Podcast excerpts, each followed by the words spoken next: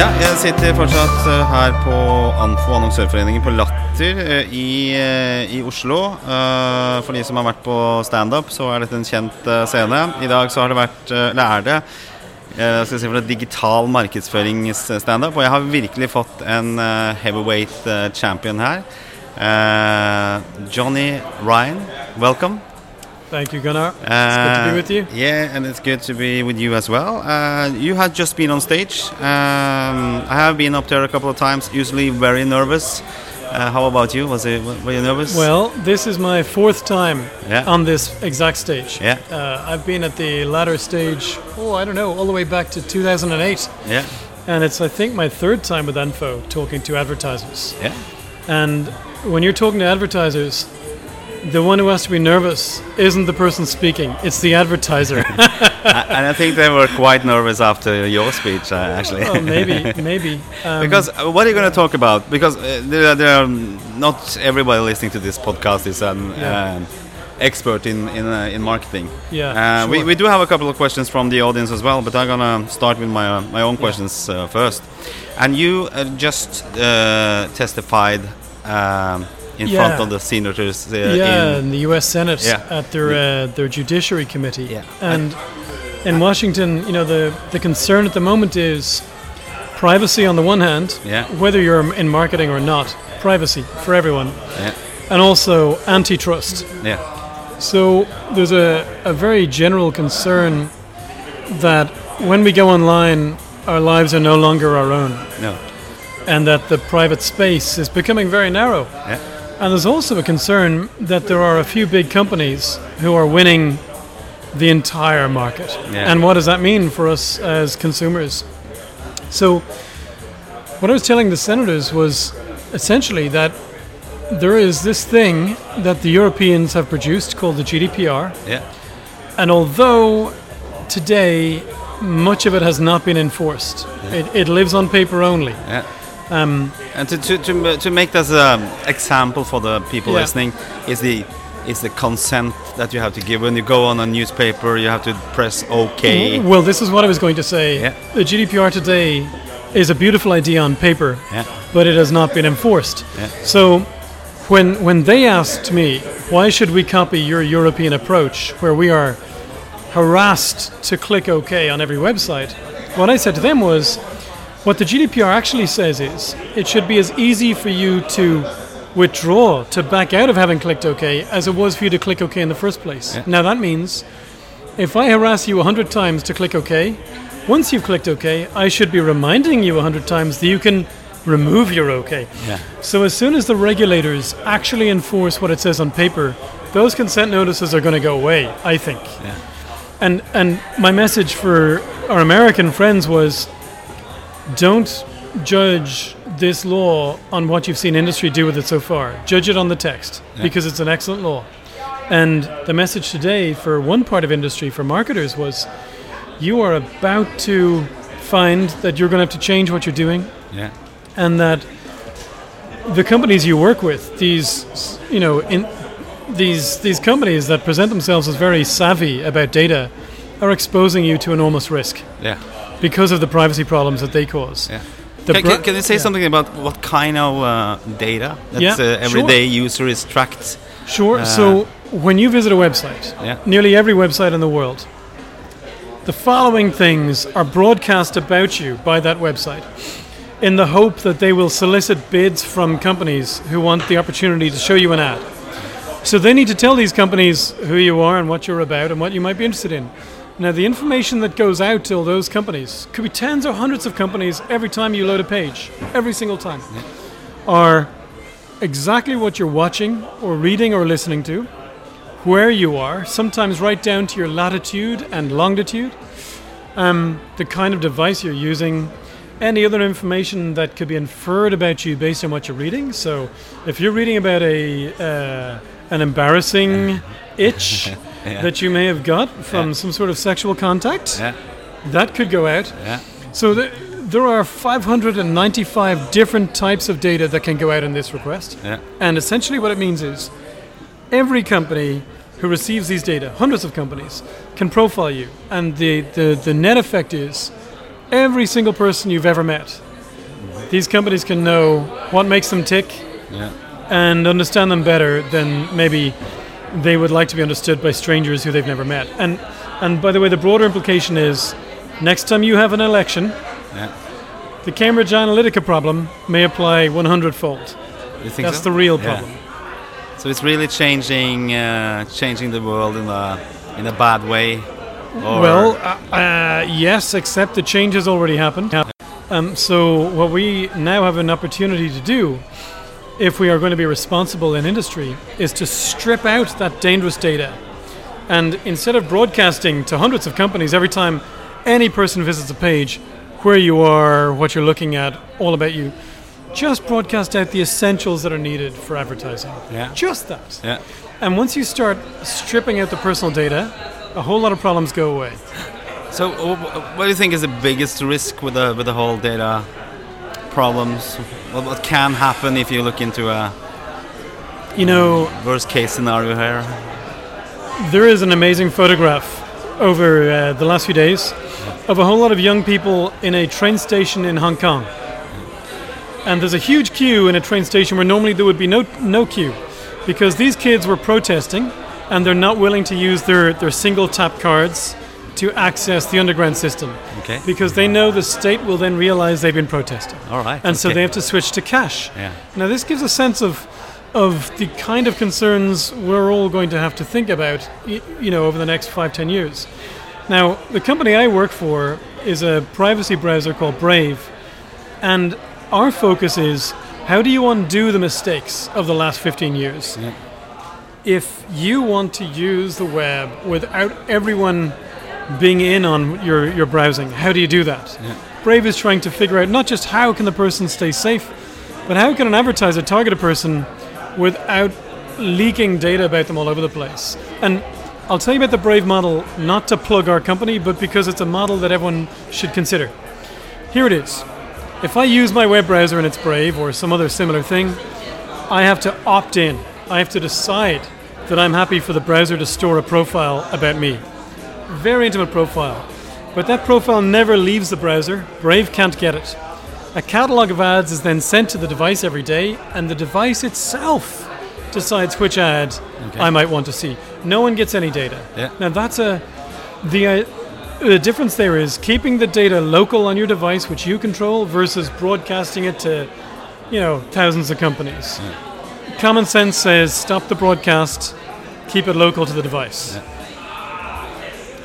I uh, I think people is, is going to get more aware of their their own di- data policy. But if you, uh, uh, as we talked about, you know, before we went on here, I said that explain this as you're sitting beside my wife at a dinner party, Mm-hmm. Yeah. and you said that maybe I can do that uh, as Yeah. a explain for the senators, um, because and, and your wife is used to being chased around the internet by a handbag yeah, or, or the yeah, pair of shoes yeah. she saw yesterday. But, but most people are not, you know, 100% aware of this. Yeah. You know, they have seen the uh, consent that you Yeah. have to give. You know, that's pr- basically okay, and Yeah, then you yeah. don't think about Nonsense. it anymore. Nonsense. Yeah. So I think it's, it's probably going to be more and more focus on on your own data, and it's probably going to be something really bad. We- We had uh, Well, the Cambridge Analytica The- thing. so, Yeah. so the first time you become aware is often when the hotel chain that you've stayed with Yeah. has a breach and leaks your data all over the place. Yeah. Or uh, you know your loyalty card scheme is breached and your your Visa card number is out. That should not be the first time when you were exposed to the realities. And unfortunately for most people it is. So the the answer is people can only do so much themselves. You can use safe tools, Brave is one of them. But the I think the other side of the equation is regulators have to start regulating the industry and until today they've done very little. The- And you had some example on the big ones like uh, Google and uh, the, Yeah. other, the other big guys that uh, doing this a kind of a fishy way today, Yeah. you know, about the data. They It's a don't good of- taking this to, Yeah. uh, to to consideration because it's probably too much money for them, or uh, you know, they, they need this data to to be in business. The, there's a question about what data are needed for for the business that people claim to be in. Yeah. But if I have a whole lot of profile data, it makes sense for me to do under the table deals and sell that data on to data brokers. Yeah. So there's revenue over the table, revenue under the table, and I think it's time to clean up the industry and remove the under the table revenue. It's it's worth saying that I think two weeks ago, um, the Irish Data Protection Authority, which is Google's lead authority under the GDPR, announced an investigation into suspected infringement by Google Yeah. off the basis, as it happens, of a complaint I filed into this advertising leakage, this broadcast of data. So I think six months to a year from now, you're going to see a big change in this industry, which is great. But that's only the start. We have this superbly, I think, designed law, but today it is still a thing on paper, and it is time that the regulators start to enforce it in a meaningful way. And then we, uh, we as a user comes out and uh, uh, put some demands on the on our data uh, and uh, Yeah. be more aware of what's Yeah. really what's really happening. And, Uh, and users have huge new powers. Yeah. Users can take a company to court. yeah, They can, at the same time, they can take the company to the regulator and say, "What you know? Why were you process- processing my data this way?" And we can also, as individuals, take the regulator to court if the regulator doesn't act quickly enough or strongly enough. So it is true that the user is hugely empowered, but let's not underestimate the responsibility here of people like Anfo members. Yeah, yeah, It is the brands who pay for these systems to operate. It's the brands who find themselves exposed by the ad tech tracking industry. yeah. And if the brands change what they are demanding from that industry, it will have an impact on every single person. So, uh, you know, the regulator has to act, and brands have to have to act too. I think uh, for one, for myself, it's uh, like two things I don't want everybody to see. Uh, It's my thoughts and my internet log. So, so I think I think it's very important because you know you can end up uh, like uh, getting a envelope someday with a whole log and Yeah. uh, kind of a demand for uh, uh, the you know destroying Or- it. Yeah. So, so, so that that is one bad case scenario. But what about you? You apply for a job, yeah. Or health insurance, or some other very important thing for your life, and it turns out that before you enter that negotiation, the other side knows a lot more about you than you know yourself. Yeah. It's not just about getting a discount when you're when you're trying to get an airline ticket. Yeah. It's about big things like applying for a job.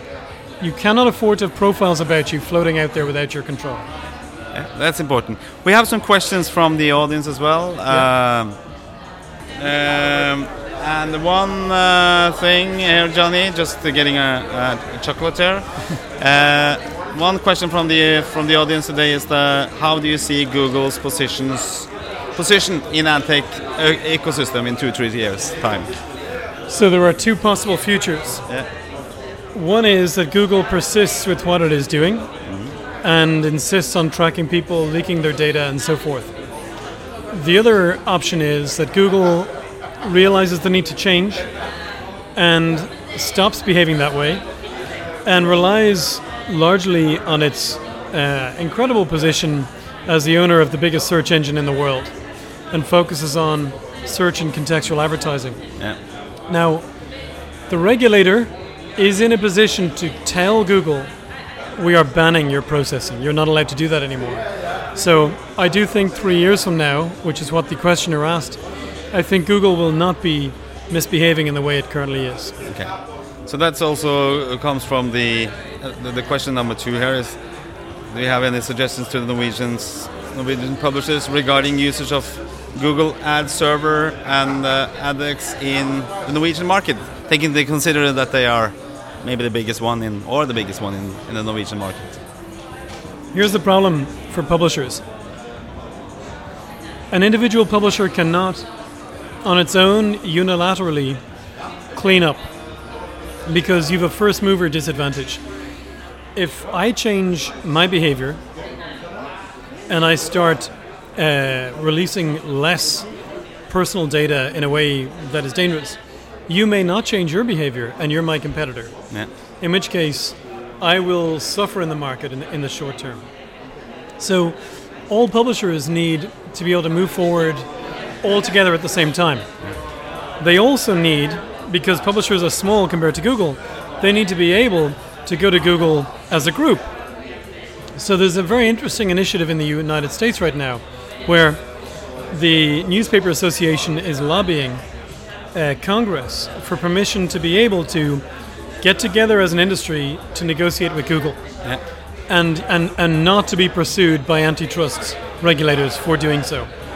In a sense, you, you need to allow publishers to work together in a way they normally might not be allowed to Yeah. for market rules Yeah.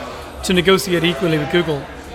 But also, the real answer to this is if advertisers and the regulator force Google to change its, its specification, how, how the industry works, that will apply to all publishers.